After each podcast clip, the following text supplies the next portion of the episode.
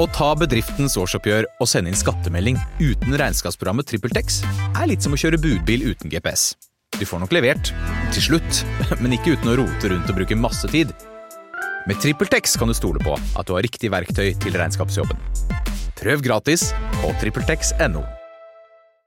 Kiwi er billigst i VGs matbørs og har vært billigst i fire av de fem siste VGs matbørser. Og nå presser vi prisen på påskevarer fram til 1. april.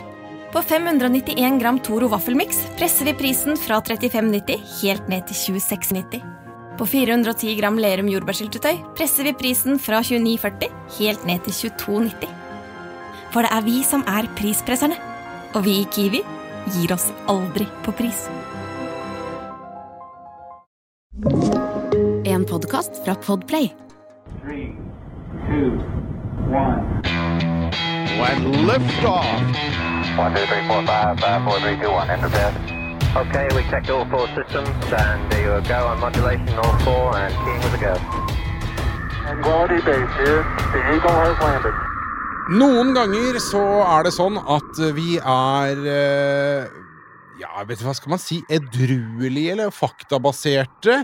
Og, og, og, og veldig sånn saklige og ordentlige. Andre ganger så er det sånn at uh, vi må snakke om ting som er bananas. Uh, og dette, Eirik, er et sånt tilfelle. Det er det. Uh, og jeg tenker vi kan, altså vi kan starte med Vi har tenkt å snakke om tre Bananas-prosjekter i dag. Eh, og det er prosjekter som folk har vært opptatt av. Særlig det første har vi faktisk fått noen henvendelser om. Eh, det er eh, Det heter Sea Dragon. Ja, og da kan jeg bare få lov til å si en ting, da. eh, Som er Det er en digresjon. Vi begynner der allerede. Fordi jeg har sittet og sett noen episoder på Netflix av denne serien som heter Dopesick. Har du sett den? Nei, jeg har ikke det. Purdue Pharma og denne ja, ja, ja, ja. Ja. Eh, som er Altså, den historien der er så bananas Ja. at det i det hele tatt lar seg gjøre. Og så Det er jo en dramaserie, men man blir, så blir man jo plutselig påminnet da, at hm, ja, dette er jo basert på faktiske hendelser. Ja. Og så tenker man Er det noen som er så gærne? Eh, eller kyniske, eller hva man skal i det tilfellet her, da. Mm. Men, men her er det jo faktisk folk, og vi har jo vært innom før i eh, denne, denne podkasten sånne Bananas-prosjekter, Operation Starfish og, og det greiene Ja. der, sånn som er sånn Å, herregud, var det ingen voksne til stede? Ja, ja, ja. Og nå, vi er litt der nå. Vi er det. Og vi, for å ta en sånn referanse vi har brukt noen ganger, det er denne her serien For All Mankind. Ja. Denne alternative historien hvor eh, russerne kommer først til månen, og plutselig så gjør NASA og eh, russerne alle de kule tingene som ble skrinlagt fordi amerikanerne vant i virkeligheten. Ja, ja. Og det er én scene i slutten av første sesong, og den gjentar seg i sesong to. Det er når de er ute til sjøs, Ja. og så stikker det opp en sånn liten tupp på, på vannoverflaten, en sånn der kjegle, og så hører du et drønn, og så ser du bare at den tuppen stiger opp, og under så er det et tårn, og så kommer det noen rakettflammer, og så kommer den største big ass-raketten du noensinne har sett, kommer bare stigende opp av vannet, og reiser seg opp. Det er som et fjell kommer opp fra sjøen. Og dette er basert på et helt ekte, seriøst konsept som altså ble kalt for Sea Dragon. ja. Og så eh, mm, En rakett som skulle starte under vann. Ja, det var, og dette her var da en um, Dette er firma som Det ble foreslått av en ingeniør, en fyr som heter Robert Truex, i et uh, firma som heter Aerojet, og det var det firmaet som ble grunnlagt av vår venn Jack Parsons. Ja, Demondyrkeren. Det er klart Så det, noen- det er kanskje ikke så rart at demondyrkerselskapet kom med et ganske demonisk prosjekt. Men altså, det var 1962, og han hadde da en tanke. For at man var i, man var i gang med å planlegge måneferdene. Mhm. Apollo-prosjektet var erklært av Kennedy. Man skulle til månen. Vår venn Werner von Braun han hadde foreslått en mye større rakett til månen enn en Saturn 5, og det var fordi at de ville sende store ting til månen. Ja. Og, og det de endte opp med, var jo egentlig å sende en ganske liten månelander, som i, som i praksis ikke ville gi dem må, månebaser, for eksempel. Og, og så er det da Truex kommer på at ok, hvis du har lyst til å sende opp mye, da, istedenfor å sende sånn eh, 10 tonn til månen, månen, eller 15 tonn til månen, du har lyst til å sende 150 tonn til månen, da må du ha en rakett som er så mye større eh, enn en, den, er, er så svær at det enkleste for at den ikke skal bryte sammen under sin egen vekt, det er at du faktisk senker den ned i sjøen. Og så Ah. bruker du faktisk Du bruker rett og slett sjøen som et sted hvor du kan holde den vertikalt, Ah. og hvor du også da kan stabilisere den under oppskyting. Ja. Og, og, og da er det jo en ting man må huske på, det er at fordi raketter har med seg sitt eget oksygen, så, så fungerer raketter helt fint under sjøen. Ja, ja, ja. ja, ja. For at du tenker, ja, men slokner ikke flammen? Nei, nei, nei. For altså, raketter er ikke avhengig av oksygen i lufta eller oksygen i vannet. Har med, de har jo en gigantisk oksygentank. Og dette veit vi jo selvfølgelig også fordi at um, disse rakettene som skytes opp fra ubåter som har atomvåpen om bord, ja. de skytes, kan skytes opp under vann. Så dette, dette har man lang erfaring med.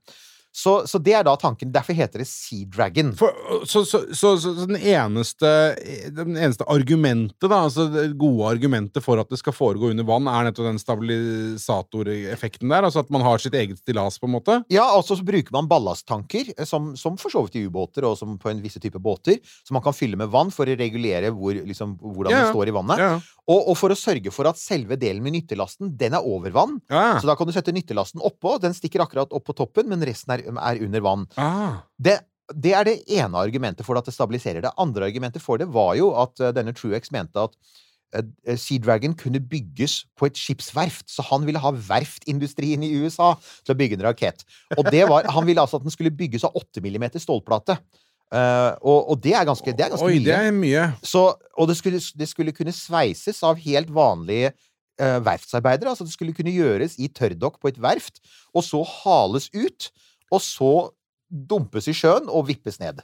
Unnskyld meg. Ja. Her er det elementer som jeg føler jeg kjenner igjen fra noe de driver og eh, nitar sammen bort, bort på i Texas der, Boca Chica. Ah. Sveising i stål og verftsarbeidere, Bubba Doug, som Yep. liksom Så er det, har Ilo Det virker nesten som han har henta noe inspirasjon derfra. Den biten der med å bruke stål som, eh, som utgangspunkt, og, og kunne jobbe med kjente metoder for å få høy produksjonstakt, sånn at du faktisk kan masseprodusere selve romskipet, den, den har han helt klart Han har sikkert latt seg inspirere av Men, men du, Mm. 8 millimeter stål i en, i en rakett som er større enn Saturn 5? Å ja, 150 meter lang, 23 meter eh, tvers over. Det, den, er på størrelse, den er jo st- på størrelse med et skip. det, er jo, det er jo et skip som skal opp i rommet, rett og slett. Men det, altså, vekta der må jo være helt hinsides. Ja, og, og der kommer du til den andre biten her, som var at eh, d- den er ekstremt tung, men den er også veldig billig å produsere, for at stål er billig å produsere. Og når man da Så kom man da til selve rakettmotoren. Man skulle bruke eh, billig brennstoff, eh, rakettparafin og flytende oksygen på første trinnet. Og, og det man da skulle gjøre, var ikke sånn som eksempel SpaceX, som bruker 35 veldig avanserte rakettmotorer med, med sånn turbopumper og massevis av finmekanikk. Man skulle ha én kjempemotor, og den, det, dette konseptet kalles for Big Dumb Rocket. Én stor, veldig enkel motor uten noen sånn kompressorer og turbopumper. Bare eh, gass og parafin under trykk som skulle pumpes inn i brennkammeret.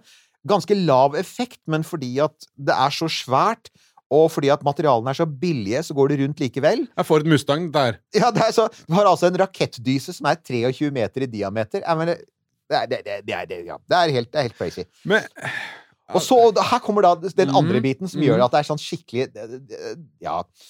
Det er radikalt. Det er andre, på andre trinnet så skulle man ha oksygen, og så skulle man ha hydrogen. Og så var det sånn at det behøvde man ikke å ta med seg ut, fordi at du er ute på havet.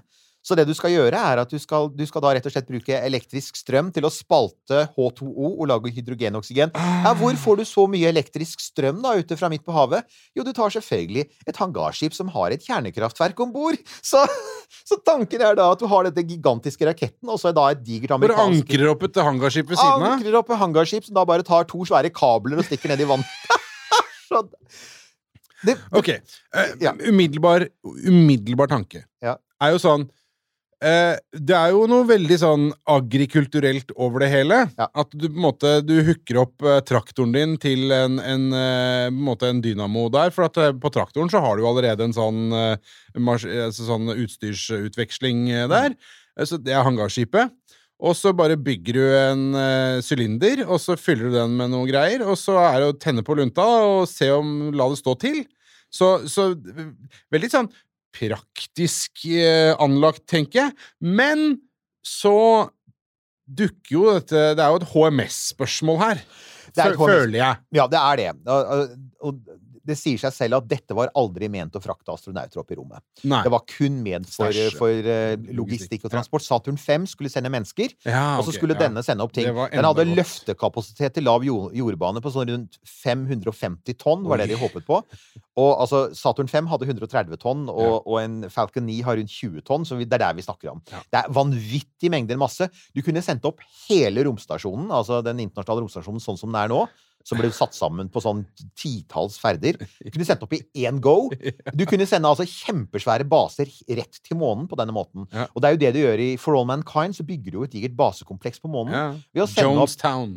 ja, Jonestown. Det blir etter hvert et svært basekompleks, og det gjør du med, med denne raketten. Og det som er interessant med den, er jo at det er ingenting imot kjent fysikk eller ingeniørvitenskap. Folk har jo sett på det og sagt at dette kunne faktisk ha gått. Det Mm. hadde vært mulig å gjøre. Mm.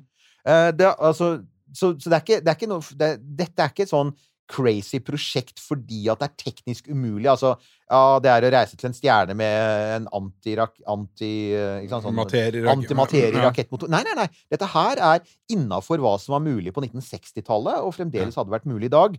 Så det, du, det som setter grensa for det, er nummer én, som du sier, HMS-perspektivet. I dag ville man antagelig for eksempel ha fått store problemer med miljødelen av det. Det var det som slo meg umiddelbart, ja. For at det du Mhm. gjør, er at du dumper gigantiske mengder eh, altså CO2 i sjøen, det er nå én ting, og etter hvert i atmosfæren, men pluss du har støyproblemet. Ja. Dette er en ekstremt bråkete motor, og vi veit jo nå at støy i havet ikke er bra for livet i havet. Eh, den måtte jo skytes ut langt til havs, for du kunne ikke skyte den ut i nærheten av land, for du ville blåse ut trommehinnene på mennesker hvis du var i noe i nærheten av en by, eksempel. Ja. Så du ville måtte ha det langt til havs.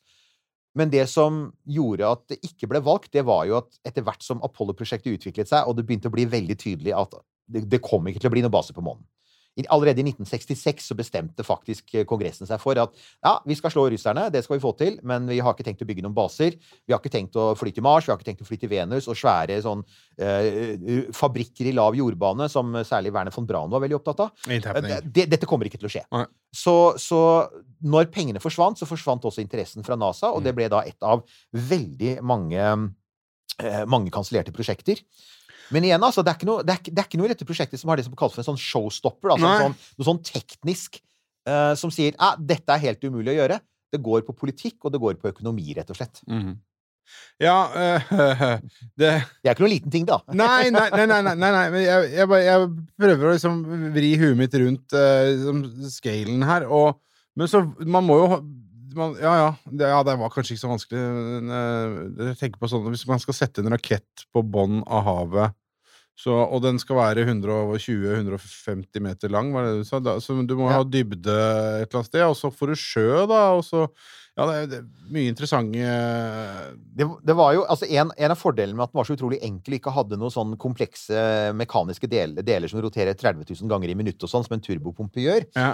eh, det er jo selvfølgelig at du kan fint være i saltvann. Altså, de, de, Ja, det og en annen ting som slår meg, stål, da. Stål og saltvann, Kan ikke stå der så lenge, da. Ikke en sånn supergod kombo, nei. Uh, og så de, de, de diskuterte faktisk allerede på 60-tallet muligheten for å gjenbruke deler av den. Mm. Og jeg bare så for meg liksom sånn å se uh, sånn, sånn flere tusen tonn et, et skip på flere tusen tonn med stål som faller gjennom atmosfæren og under fallskjerm. Ja, det, igjen, det, det hadde jo vært utrolig kult å se. Det hadde jo vært det mest spektakulære noensinne. Men det er noe med skalaen her Ja. som også får deg til å tenke hvordan i alle dager Altså, hva var det de satt og røyka da på, på kontorene i Aerojet? Hvor mye Det vet vi jo at var en god del rare ting. ja, altså jeg, det, jeg har liksom følelsen av at kanskje ingeniørene fant en gammel flaske som uh, grunnlegger Jack Parsons hadde latt stående. Mm. Og så sier å, se her, Jack Parsons har latt det stå igjen en flaske. Skal vi dele den, gutter? Og så plutselig så har de foreslått å De sende et skip opp i rommet. de var dyslektikere og trodde de drakk Jack Daniels, men det gjorde de ikke. Så de gikk på en smell der, og det de trodde var fluortabletter, var overhodet ikke det. Sjampinjongen på Så, pizzaen så, ikke det var, så det er liksom det første Crazy-prosjektet. Det andre Crazy-prosjektet, som også var høyst realistisk, det er jo Prosjekt Orion. Vi har vært Ja. om det litt Det før. har vært innom. Uh, men, det er gøy! Det er gøy. Og Prosjekt Orion er da Dette er, og dette, dette ble studert seriøst lenge. Uh, amerikanske flyvåpenet, NASA og ikke minst DARPA. Defense Advanced Research Project, et eller annet. Altså, DARPA er, var en organisasjon som gjorde massevis av avansert Altså, de testa sånn avansert kunstig intelligens, for eksempel. De første datamaskinene og avanserte rakettprosjekter. En av de tingene som eh, DARPA er mest kjent for, er at de sto bak ARPANET, som var et nettverk der man sendte pakker av informasjon via distribuerte kabelnettverk. Som, hvis noen syns det ligner på noe vi har i dag, så er ja, ARPANET regnes gjerne som liksom den første versjonen av internett. Ja. Så det hender man sier at DARPA fant opp internett, det er litt forenklet. Men at DARPA holdt på med sånne superavanserte ting som ingen andre tenkte på, det var, det var sånn de gjorde. Så når DARPA var involvert, så var det ikke fordi at det var bare sånn tull og tøys, det var fordi de trodde at eh, det var avansert høyteknologi de trodde, trodde kunne funke. Da, det, hva het det i Lost? Det var Dharma, det. Var det kanskje Dharma Project? DARPA? Det var Ja, som- det, som- ja, det er jo en, Mm, helt klart en ja. referanse til det. Men her var jo tanken at man skulle bruke atombomber til å drive en rakett. Ah, det er fantastisk. Og det skulle da ha, og det var egentlig Og det, det, det, det morsomme er at det finnes video på YouTube. De, de testet jo konseptet med konvensjonelt sprengstoff Stemmer. Uh, under rakett, under sånne plater. Ja. Og, og du ser det, det sier sånn bang, bang, bang, og så hopper den opp i lufta. Ja. Så det er ingen tvil om at det fungerer. Men altså, denne eh, raketten, eh, som da ble kalt for Orion, den hadde tre sånne hovedkomponenter. For det første så var det selve romskipet, med kabin og, og slike ting. Og, og, og romskipet var svært. Fordi, at, fordi det var atomvåpen involvert, så var den mye mer effektivt enn noen kjemisk rakett kan bli. Så man så for seg faktisk at uh, du kunne fly til månen, eksempel, men da fløy du ikke tre astronauter. Du kunne fly sånn 500 i slengen. Ja. Igjen, altså, uh, Den største varianten av Orion var på størrelse med danskebåten, liksom. Altså som et ja, passasjerskip. ok, vi er der igjen, ja. Snakker Ja, okay, snakker om millioner av tonn. Uh, de, de, de, de var ikke frøsne på 50-tallet, altså. altså Jeg så du liker hadde det. Jeg, men vet du hva? Det der, det er sånn, tenker jeg sånn det, det ligger noe med den derre teknologioptimismen som generelt sett uh, var til stede i, i uh, for den. noens bevissthet av, Ja, ja, på de, ja, ja. de tidene der. Og det er jo gøy. Og så er det jo gøy at uh, på et vis eh, noen Altså i anførselstegn seriøse mennesker har sittet og faktisk tenkt på dette her og gjort Det er ikke, det er ikke bare noen som sitter eh, på en sein kveld dypt i bånn av åttende rødvinsflaska. En av ildsjelene bak dette var en fyr som heter Freeman Dyson. Han var jo en eh, ledende, en av de største fysikerne i forrige århundre. Var jo blant annet med i Manhattan-prosjektet og var involvert i mange av de største fysikkforskningsprosjektene. Eh, I dag så husker man man ofte for den, den Dyson-sfæren, denne tanken om at en fremmed sivilisasjon skal kunne innkapsle en stjerne eh, i, i, eh, i stein og metall for å fange all energien. Ja. Og det er, jo, det er jo et konsept som er seriøst nok til at astronomer faktisk har lett etter det. Så Freeman Dyson, bare det at han er involvert der, forteller jo meg at jo, jo, det, det, det kunne ha fungert. For her var jo da Du hadde kabinen, eh, passasjerkabinen og, og life support og alt det der, og, og, og doer, ikke minst. Veldig viktig. Ja. Eh, så hadde du Så hadde du bak passasjerkabinen så hadde du eh, et lager med atombomber. Og du trengte mange tusen. De behøvde ikke å være veldig store. Man så for seg at de skulle være ganske små såkalte taktiske atomvåpen. Altså sånn 3000-5000 eh, tonn med TNT. 3-5 kilotonn. Altså ikke, ikke megatonn. Det ville ikke være noe særlig man, man regna på det og kom til at de aller største atombombene ville være ineffektive. Ja, så ville man da, du ville da ha for eksempel et par tusen slike atombomber. Mhm. Og så hadde du bakerst så hadde du en skyveplate. Eh, og det er den du da skal detonere atomvåpenet bak igjen. Og så skal eksplosjonen fra atombomben eh, presse mot skyveplata. Og så har du da noen svære fjærer eller eh, støtdempere, hydrauliske støtdempere, som i en buss, liksom! Ja. Og det tar av for det støtet, for den blir jo da dytta kraftig. Ja. Sånn at ikke sjokket fra støtet på skyveplata går rett inn i Så du skal passasjerkabinen. ri på den sjokkbølga oppover? Ja. 1202. Kiwi er billigst i VGs matbørs og har vært billigst i fire av de fem siste VGs matbørser. Og nå presser vi prisen på påskevarer fram til 1. april. På 240-250 gram assortert Moro potetgull presser vi prisen fra 32,90 helt ned til 24,90. På assorterte 250 ml Cevita og Bendit smoothies presser vi prisen fra 1990 helt ned til 12,90 pluss pant. For det er vi som er prispresserne. Og vi i Kiwi gir oss aldri på pris. Fordi man regna på det og kom til at du kunne veldig fort faktisk få noen G altså fra, fra den skyveplata. Ja. Og så er det da Nå har vi jo tidligere sagt at når du detonerer ting i verdensrommet, altså en atombombe, så har du jo ikke noe atmosfære, så du får jo ikke den, den sjokkbølgen fra atmosfæren. Så hvordan Altså, du sprenger jo Du sprenger i et vakuum, så hva er det du, du da på en måte reagerer med? Og her er da den lille snedige tingen de gjorde, det var at dette var ikke en helt vanlig atombombe. Nei, nei, nei, nei, nei. På den ene siden av atombomben så satt det faktisk en, en klump med masse. Uh, og det kunne være eksempel et tungt metall, det var det man drev og forska på, altså type, ulike typer tunge metaller, Mhm. som selvfølgelig ble fordampet når atombomben eksploderte. Og, og så var atombomben formet sånn at dette metallet fløy i en bestemt retning. Og dette finnes også, det, det var basert på det som heter, jeg tror det kalles for hulladning, eller shaped charge. Ja. Og det er sånne granater som ikke sprenger i alle retninger, men Mm. hvor når de, det treffer målet, Ja. så, så går sant, sprengkraften i en bestemt retning, f.eks. antipanservåpen. Ja, ja, ja. Og så sender du en stråle med Varm varmt metall. I, inn i stridsvogna, Nemlig. eksempel. Det er samme prinsippet. Så det var altså nuclear shaped charge. Det er altså helt crazy. Men de, de trodde, de regna på det, og fant ut at dette ville funke. Og da hadde du eh, og, og tanken var, opprinnelig var jo at du skulle starte fra moder jord. Så et eller annet sted på jorda skulle det stå en rakett, eh, og så skulle du begynne å sprenge atombomber under den. Og det de regna på, de, de trodde de kom til å trenge noe sånn som 800 atombomber for å få den opp Mm. i bane. Ja. Vi ser kanskje hvor dette går. De foreslo å sprenge atombomber hele veien opp i rommet. Altså, Ja, eh, igjen, da jeg vil tilbake til det faktum at det har sittet velutdannede Ja. mennesker med fysikk, matte osv. kunnskap og regna på dette her i fullt alvor. Det er, Ja. det er trinn én. Trinn to er at de, mens de gjør dette, og tenker at dette kan være en god idé For noen har jo åpenbart tenkt at dette vil være en god idé. Ja, ja. Eh, så har man bare greit hoppa bukk over det som skjer rundt en etter en atombombe Mm. sprenges. Mm. Og ikke bare skal man gjøre dette én gang, nei, nei, 800 ganger. Ah, ja. Ja, eh, tidligere nevnt HMS. Tidligere, her er HMS veldig relevant. Og, og eh, jeg tror det de, de tenkte seg, var at de skulle ta en eller annen øy i Stillehavet og si at den øya bør ingen leve på de neste 100 millioner årene. Mhm. Eh, for den kommer til å gløde om natten. Bikini-atoll. Ja. Totalt. Eh, og jeg ser at altså, hvis du baserte det på at ikke du skulle sprenge det nær folk, men på liksom så langt unna alle mennesker som overhodet mulig Den mest isolerte øya i verden, er ikke det Påskeøyene? Så man kan liksom se for seg der. Bouvetøya er vel det som er lengst unna alt. Ikke sant? Og så vil du gjerne ha det nær ekvator, så det ville vært et eller annet sted i Stillehavet. ja. Mm. Og da hadde Freeman Dyson hadde satt seg ned og regna på det og funnet ut at eh, det ville nok bare dø ett eller to mennesker som følge av en sånn Orion-tur opp. For å si det slik, og nå, der, det, er, det, nå brukte jeg typisk Eirik-uttrykk, Mm -hmm. uh, for å si det sånn um, Andre regna på det, var ikke enige. Nei. Nei. De var ikke enige, men, men før vi kommer til det som da feller det, så får jeg si igjen, jeg liker ambisjonene her. Ja, ja.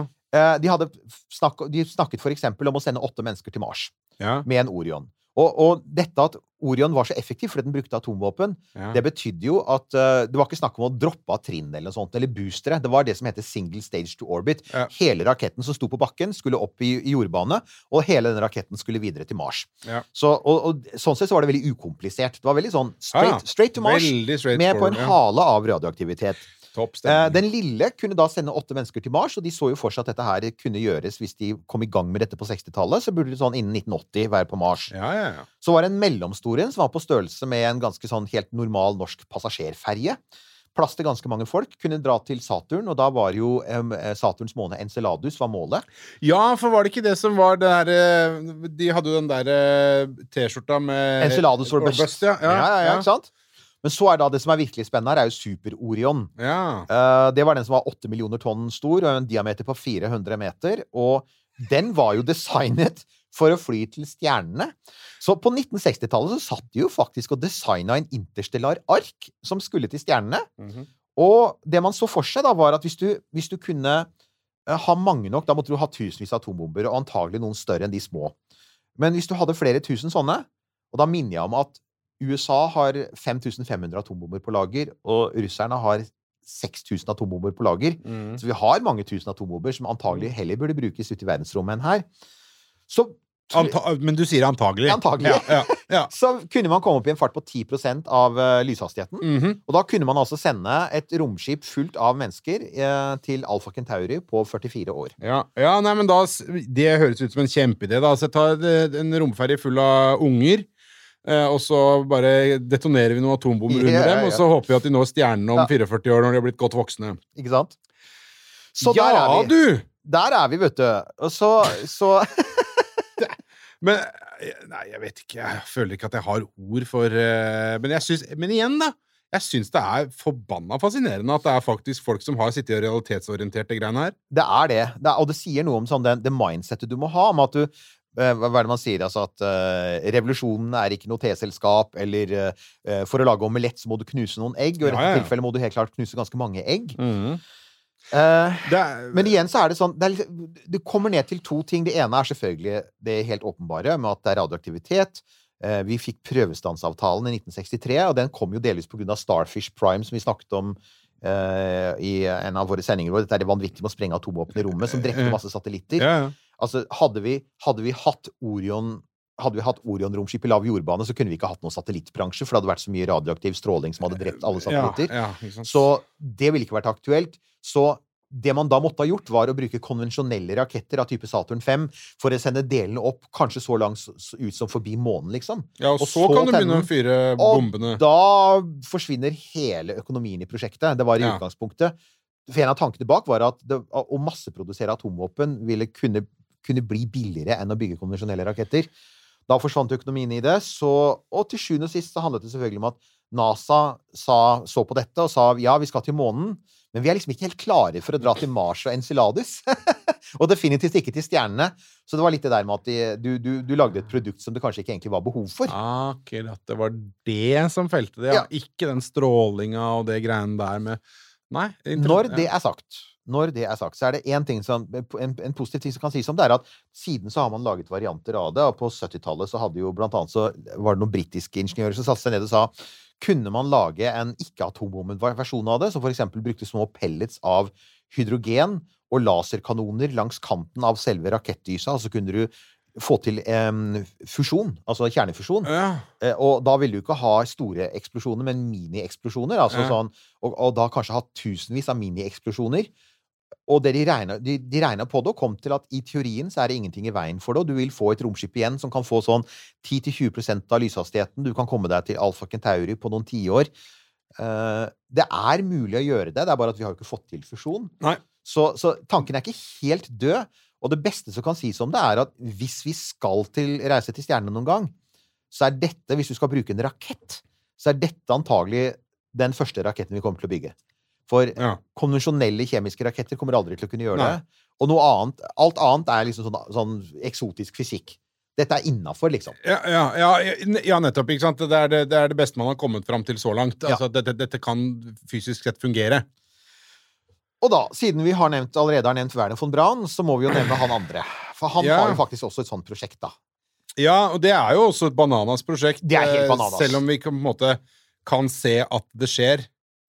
Ja, På- på- altså, på i hvert fall inntil videre. Nå Ja. har han jo tatt litt avstand fra det, eller han har distansert seg fra det. Det er jo da, dette er jo da den tanken om å bruke Starship, som enda, når vi snakker om dette, så er den ikke skutt opp. Starship skal jo brukes i første omgang til å sende satellitter i bane rundt jorda, eh, eh, Starlink-satellitter, og eh, sende folk til månen på oppdrag av NASA. ja, ja, det og det er det, som skal brukes til å sende folk til Mars. Dette er Elon Musk sitt Ja. Starship-prosjekt, som han har holdt på med mange år nå. Ja. Men en av de tingene han snakket med tidlig i prosjektet, det var også å bruke Starship til å fly folk fra punkt til punkt på jorda. Oh. Point to point. Altså bruke Starship som passasjerfly i konkurranse med flybransjen. Og, dette, ja, ja, og det fins en reklamefilm der ute som er sånn fra 2016 eller 2017. Og som er sånn Du kan komme deg fra London til Sydney på 45 minutter, for eksempel. For du flyr jo like fort som en rakett mesteparten av veien. Ja, fordi du flyr i en flyr, rakett. du flyr på toppen av en Starship. Ja. Og tanken da er at du drar til oppskytingsplattformen, går om bord i, i, i raketten. Den tar av, men istedenfor å fly til lav jordbane, så, så flyr den deg eh, i en, en sånn svær bane, sånn ballistisk bane, som en in- interkontinental ballistisk rakett. Og så Ja. braser du inn i atmosfæren over Sydney, Australia, og så er du der etter 45 minutter. Og igjen fordi det er Altså, det stemmer jo at det er ca. så lang tid du vil bruke eh, fra, fra Det, akkurat det virker jo forlokkende. Måtte å komme seg lange avstander på kort tid. Ikke sant? Og nok en gang skal vi si at som de to foregående prosjektene, Sea Dragon og Orion, dette her er noe som har blitt tatt helt seriøst. I 2018 for eksempel, så sa Gwyn Shotwell, hun som leder SpaceX, SpaceX i det daglige, hun, Ja. hun understreket 'It's happening'. Hun holdt en presentasjon om prosjektet. Oh, ja. Ja, ja. Så er, jo da, så er det jo da sånn, da. at Siden den gang så har det skjedd veldig lite. Ja. Uh, Men det er jo fordi det sånn generelt sett uh, har gått litt trått med Starship, eller? Jeg tror det. Og jeg, altså, jeg begynner jo å lure litt på om ikke et av problemene med Starship, noe av det som har gjort at det har gått trått, er jo at man har, man, man har liksom undervurdert sånne praktiske ting. Ja. Det er litt som de to andre prosjektene. Sånn, sånn Jo, men hva med det der med at du har hoppa bukk over en Du har liksom del hoppet store bukk over sånn utfordringer. økonomi og politikk og, og sånn alminnelige sånn Ja. menneskelige ting som, som Så for eksempel, ja, hvis du skal ha rakettoppskytingsplasser i tillegg Du kan altså ikke lande på en vanlig flyplass. Du må bygge en egen rakettoppskytingsplass. Ja. eh, og faktisk sier de i sine egne reklamer at du må være langt til havs, tre mil til havs. Ja. Og da må du prosjektere det, og du må jo bygge det. Og det er jo ingenting som tyder på at det prosjekteres sånne landingsplasser noen steder, noe sted på kloden. Så eh, Nei, det ser ut som de har gitt det opp. Og i den siste presentasjonen for Starship, det var i, i, nå i 2022, vår, i februar, den har vi snakket om tidligere, en av de tingene som Elon Musk da liksom for forbi, for noen spurte han jo om Han blir alltid spurt om det. Ja, men hvordan går det da med Starship point to point, altså Mm. fra punkt til punkt på jorda?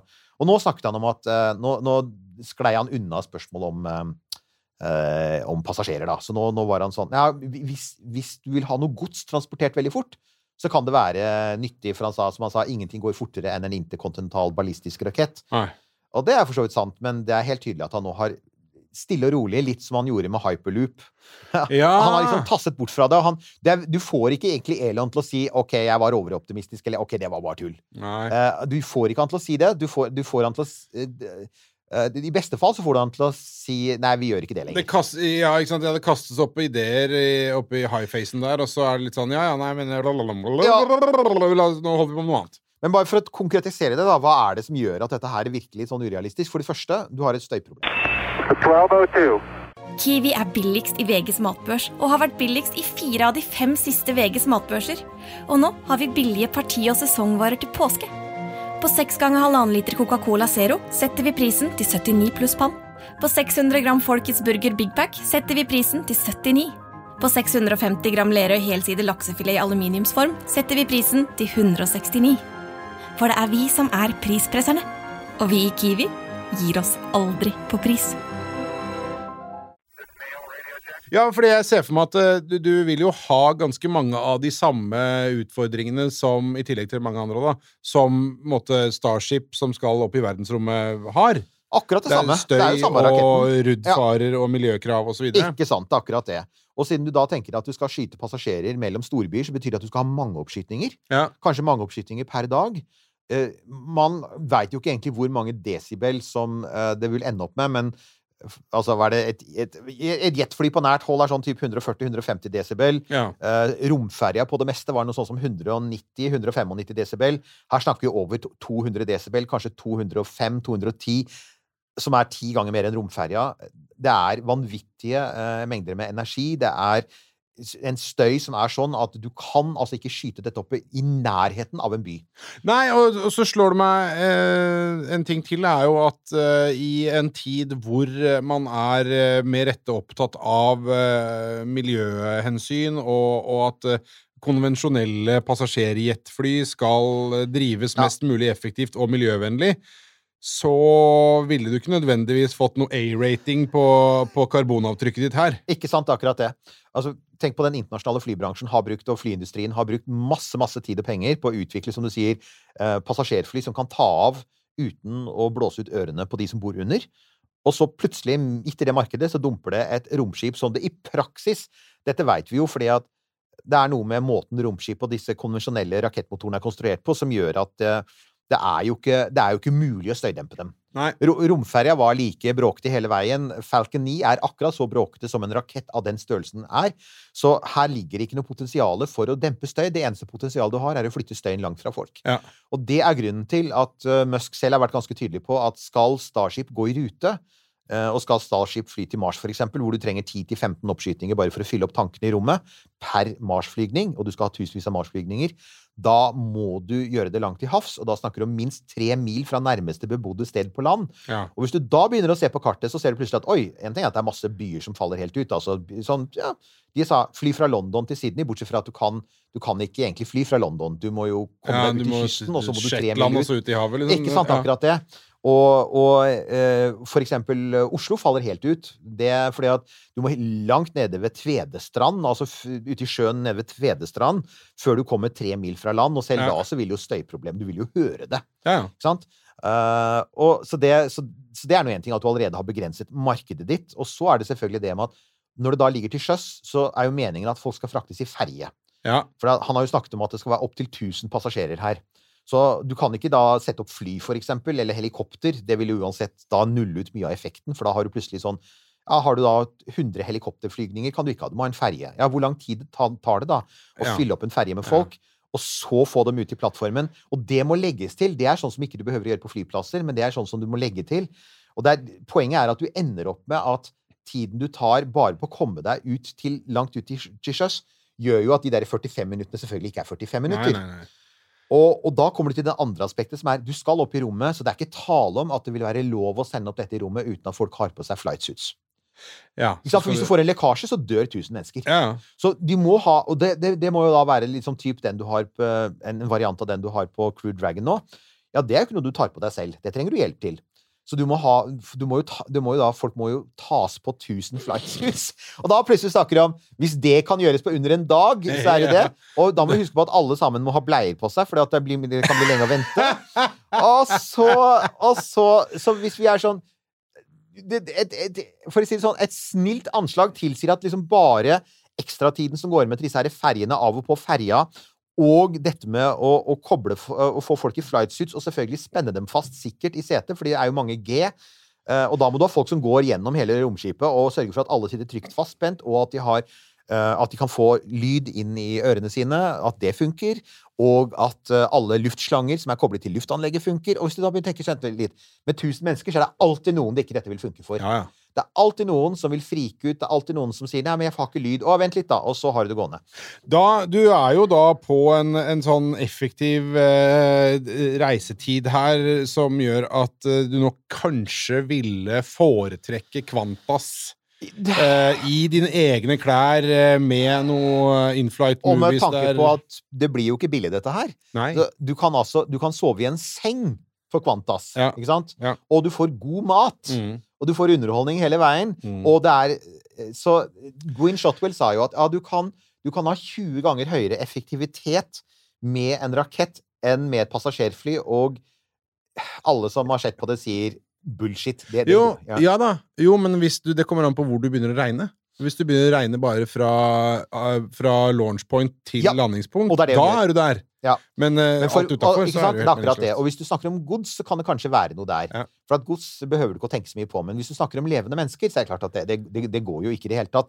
Det er jo én ting til som de heller ikke har sier, til, eh, sier i markedsføringen sin, og det er at uh, når du flyr, da, så, så er det jo sånn at fly har jo massevis av sikkerhetsmarginer med tanke på Hvis det er dårlig vær der du skal lande, Ja. ja, så kan de alltid ta en diversion. De er jo, du har jo alltid ekstra fuel for å kunne fly til nærmeste flyplass. Ja. Um, med, med, med Starship som, det må være pent vær på begge steder. Det er derfor du har så mye scrubs med, med Falcon 9 nå. For at Ja. det må jo være ikke bare Fint pent vær på Cape, det må være pent vær ute ved På landings... landingsstedet, ja. Så du skal, det skal være pent vær begge steder, og du må ha en garanti for at det er det den neste timen eller noe sånt, eller de neste timene. Og hvis det er noe annet enn pent vær, så må du vente. Så det blir mye venting her. Igjen, de må ha bleie. Så, så kommer til selvfølgelig dette med sikkerheten. Og Vi har jo vært innom det her før når vi har snakka om Ja. Starship, og der, det, er, der er, det er litt så som så med det. Ja, altså Du kan ikke ikke ha noen noe sånn breakaway-rakett på spaceship. Vi veit at, at passasjerfly Det tok mange, mange år før de ble virkelig trygge, men de ble det. I starten var det noen stygge ulykker, og så har man gradvis gjennom mange tiår gjort det sånn at nå er ikke sant, å, å, være i lufta er omtrent det tryggeste du kan være. Ja. Det har krevd mange tiår med hardt arbeid. Og, og det å ta en nesten Skal det sies at Airbus gikk på en liten smell her nå for noen år siden? Det gjorde de. Ja, ja, ja. Og, og Boeing har også gått på noen smeller. Altså det, og det, det skjer. Nei, Boeing. Sorry, det var det Ja, Boeing jeg mente. men, altså, ja. men det som da skjer, er at man, de setter flyene på bakken, og så, og så for, og, stort sett forbedrer man seg. Og det er jo den der prosessen du har i luftfartsindustrien med at når det skjer en ulykke, så, så stoppes det, og så får du nye rutiner, og du får en forbedring. Og det er grunnen til at det er så sinnssykt trygt å fly. Uh, her er det jo sånn at en rakett kommer aldri til å bli like trygg som, trygg som et fly. Og det vet du for at en rakett, der samler du i dette tilfellet med Starship 4600 tonn med eksplosiver. Eh, Du har ekstremt høye hastigheter. Du skal opp i 27 000 km i timen. Du har ekstremt høyt trykk under oppskyting. Du har veldig høy temperatur når du kommer tilbake igjen. Så alt er så ekstremt, og det gjør at den kombinasjonen av eksplosiver og høy fart og trykk og, og temperatur gjør jo at det er ingen som, som i sin villeste fantasi tror at en rakett noensinne kommer til å bli i nærheten av så trygg som et passasjerfly. Nei. Pluss selvfølgelig, hvis motorene stopper på et passasjerfly, så kan du glidefly ned til bakken. Det har jo vært skjedd mange ganger. Hvis motorene stopper på en rakett, så dør du. Ja. Så det er alle disse tingene her. Men vil si, en ting som jeg eh, Det er mange ting her som gjør at jeg ikke kommer til å være på den første flighten hvis det skulle skje. Men det jeg liker, er tanken. Ja. Fordi når jeg tenker meg om, så syns jeg det er synd at på en måte, eh, befraktning av folk over lange avstander på en måte ikke har blitt mer tidseffektiv enn det den er. Det har stått på stedet hvil i 50 år. Ja, og at, at på en måte vi, Man var inne på noe med Concorde. Mm. Men når den eh, bare forsvant i noe ball of fire, så, så stoppa det opp. Og at man har ikke gjort noe for å få litt mer fart på det. Det er sant. Det jobbes jo faktisk med supersoniske Ja. Virgin De gjør det, og det er også flere. Blant annet så, så, så, jobbes det med å få en sånn, i første omgang en sånn business jet på markedet som skal være supersonisk. Og NASA har også forsket på en del sånne eh, neseformer og sånn, som gjør Ja. at du ikke får de der overlydsmellene, som jo var en av grunnene til at Concorde fikk veldig begrenset tillatelse til å fly, for den Ja, bråkte sånn. Stemmer. Så de har jobbet mye med støyproblemet. Så det fins jo dem som mener at i løpet av liksom 10-15 år så vil vi faktisk ha supersonisk transport igjen for de som er villige til å betale for det. Ja. Og skjer det, så kan jeg si at det vil jo selvfølgelig være enda en Det er allerede nok spikere i, I ja. i Starship-kista, men det vil være enda en spiker. For da kommer du der med at hele dette regnestykket, som er i beste fall, så kan du kanskje komme litt under det du har med konvensjonelle passasjerfly i dag. Men, men ikke tale om at Starship, med alt det som hører med av ekstra styr, vil kunne konkurrere med supersonisk transport. det tok jeg noe på. nei, nei, for da, da, da- måtte, da måtte den Starship-turen bli en event i seg sjøl, da. Fordi det er gøy å ha på seg sånn suit og være litt living on the edge, eh, på en måte der. Og, da, og den siste tingen her, så er dette med, med, med kostnader, selvfølgelig. Og det er Nå har vi jo alle sammen, når vi snakket tidligere om disse chopsticksene, disse, her, eh, disse landingstårnene Ja. og sånne der eh, fangarmer Det er veldig kult. For det første er det uprøvd teknologi, vi veit jo ikke om det funker. Men det andre er at det er dyrt og komplisert. Ja. Så alle som skal kunne ta imot Starship, må jo da ha dette anlegget, som Ja. helt sikkert kommer til masse, kom, koste mange millioner dollar. Og vi veit at det er høy risiko, vi veit at det er et smalt marked i utgangspunktet, så, så det blir høy kostnad. Og, og så har det jo da vært sagt hele tiden Dette er en av de tingene som Et av de vanligste pratepunktene til SpaceX-folk da har vært Vi presser prisene på, på oppskytinger. ikke sant? Det blir fryktelig mye billigere med gjenbruk. Og da er det jo mange som liker å påpeke at Falcon 9 eh, Da Falcon 9 ble lansert som sånn gjenbrukbar rakett, så sa jo da igjen Gwyn Shotwell sa vi skal kutte prisene ned til en tidel, med andre ord 6-7 millioner dollar per oppskyting. Ja. Her nå så koster det faktisk 65 millioner dollar hvis du vil leie hele romskipet. Ja. Og det koster omtrent det per astronaut hvis du skal opp med NASA. Det kan, og det er jo de som også mener at gjenbrukbarhet altså Tori Tory Bruno fra ULA, som er den store konkurrenten, og han har jo sikkert sine motiver for å si det, han påstår jo at de regna på det. Han sier at de regna på det, og, og kom til at du måtte ha minst ti, ti oppskytinger og landinger før dette begynte å gå rundt. Og, og det stemmer for så vidt med det vi har sett fra SpaceX nå, med at de har jo ikke kutta, kut, kutta prisene. De har faktisk, Prisene er de samme som før. De har faktisk gått opp med inflasjonen. Mm. Så, så, så kan man si at ja, ja, men det er fordi at sluttkunden, f.eks. NASA, er villig til å betale, og det kan godt være, men det, jo, det samme prinsippet vil jo gjelde med Starship. Så når vi får høre at nei, en Starship-oppskyting vil koste 1 million dollar, så er det jo ikke det det vil koste, er poenget. For vi, har- vi har allerede erfaring for det når vi begynner med gjenbrukbarhet. Og hvis det kommer noe kostnadskutt, så tar jo selskapet det. Ja. Og sluttkunden vil fremdeles betale en høy pris. Så, så jeg tenker at eh, de der veldig lave kostnadene for oppskyting som vi har blitt lovet, jeg tipper at det er Vi får se. Jeg tviler på at ikke det kommer sluttkunden til gode. Vi har enda ikke sett det fra SpaceX, altså. Det blir ikke, det blir ikke Starship fra, fra Gardermoen til Granca. Det gjør ikke det, og, og det skal vi Selv om det kunne vært gøy, da. Da hadde du brukt åtte timer eh, i eh, Oslo, og så tar det deg sju minutter eh, i lufta. Ja, ja, Og så er det åtte timer i andre enden for å Åtte- få av deg alt og tørke bæsj fra den der bleia du har hatt på deg. Ikke minst den bleiegreia som er sånn sånn. Og igjen, alle Artig idé, men uh, med rette plassert inn i Coco Bananas-posen der, eh, Erik. Jeg skulle gjerne ha sett noen tall på hvor mange som får um, klaus av å få på seg romdrakt, som mange Ja, gjør. Ja. At når du er låst inni den lille trange drakten, og, og, og hjelmen er lukket, og du er spent fast, og du veit du ikke kommer løs Jeg er helt overbevist om at en ganske høy prosent vil, vil frike ut. Jeg er ikke sikker på om jeg ville klart det sjøl. Jeg har litt, sånn, litt små småtendenser til klaus og går gjerne trappa hvis jeg kan unngå heisen. Så jeg, jeg vil uansett neppe sette meg i en sånn situasjon, men det er nok mange som vil si ah, det høres kult ut, jeg vil gjerne reise opp i rommet, og så sitter du plutselig der, sperra inne i en sånn liten plastboble, ja. spent fast, og så sier det klang i dørene, og så er du liksom lukket fast, og så er det sånn Ja, nå er det skyer over Shanghai, så nå må vi vente, ikke sant? Oh, det er da, da, da hadde det rabla for meg, for at helt fram til det, Ja. så var jeg med. Lokk døra, spenn meg fast, lokk døra, Ja. og eh, tenn på lunta. Da er jeg med. Men- Men idet det kommer sånn der Nei, nå er det scrub, eh, vi må vente pga. dårlig vær. Så skal du bare bli sittende der, ja, og så er det jo den tingen også, sånn du, Det er ikke sånn da at du klø på nesa og Klø på nesa kan du da ikke gjøre, og hvis det da blir forsinkelser, så kan du ikke sitte der og si Kan vi få noe mat og drikke? Nei, nei, nei, for det, altså, det kan du jo ikke. så hvis du får Og, og det, det det da egentlig koker ned til, er at raketteknologi og passasjerflyteknologi er to veldig tek er to veldig forskjellige teknologier. Den ene har gjennom 50 år blitt optimalisert for å gjøre det sånn rimelig behagelig å være passasjer. Den andre er ikke egentlig det. Den er ment å skyte opp ting i rommet i høy hastighet. Og det er ikke noe veien med det. Det er bare at, å, å tro at du liksom kan ta den ene ting Det er litt som på en måte å si ja, jeg skal starte, jeg, ja, jeg skal starte en ny busstjeneste i Oslo. Konkurrere med kommunale busselskapet. Jeg kjøper inn en haug med skurtreskere. Ikke sant? Det er litt den følelsen du får. Det er liksom helt feil redskap. ja, det beveger seg, ja, det kan frakte folk, men det er helt feil redskap for uh, formålet. Ja, men det Samtidig eh, så vil jeg bare Nå syns jeg du var litt sånn naysayer, Eirik. Ja, men men jeg liker å være det av og til. jeg, har, jeg vil bare si det at det, det er lov å tenke litt utafor boksen. Oh, ja, ja, ja. Og, og om ikke annet så blir det en gøyal historie etterpå. Og det jeg tenker da er av disse tre crazy prosjektene, for alle tre har det til felles at de kunne vært mulig å gjennomføre.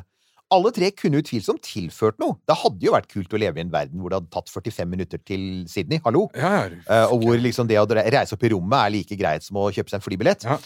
Det hadde også vært utrolig greit å komme seg til Alfa Kentauri innenfor et menneskes levetid. Jeg mener helt klart, Orion har sine sider. Og ikke minst jeg, jeg fremdeles 500 tonn opp på en gang. du, altså, For meg så er liksom Sea Dragon For meg koker det ned til den derre altså, ligger, Hvis dere går inn på YouTube, så kan dere google Sea Dragon og type eh, For All Mankind eller noe sånt noe. Men bare Ja. google Sea Dragon, så tipper jeg du får den videoen av det der romskipet som kommer Ja, opp. og det er gøy, det. bare, det, bare den opplevelsen der, tenker jeg, det er det som sånn Skal jeg velge et av de tre prosjektene, tenker jeg ja, Sea Dragon. Big, dumb, stupid, men herregud, altså, for et spektakel. Du har hørt en podkast fra Podplay. En enklere måte å høre podkast på. Last ned appen Podplay, eller se podplay.no. Kiwi er billigst i VGs matbørs og har vært billigst i fire av de fem siste VGs matbørser. Og nå har vi billige parti- og sesongvarer til påske. På 6 ganger halvannen liter Coca-Cola Zero setter vi prisen til 79 pluss pann. På 600 gram Folkets Burger Big Pack setter vi prisen til 79. På 650 gram Lerøy helside laksefilet i aluminiumsform setter vi prisen til 169. For det er vi som er prispresserne. Og vi i Kiwi gir oss aldri på pris.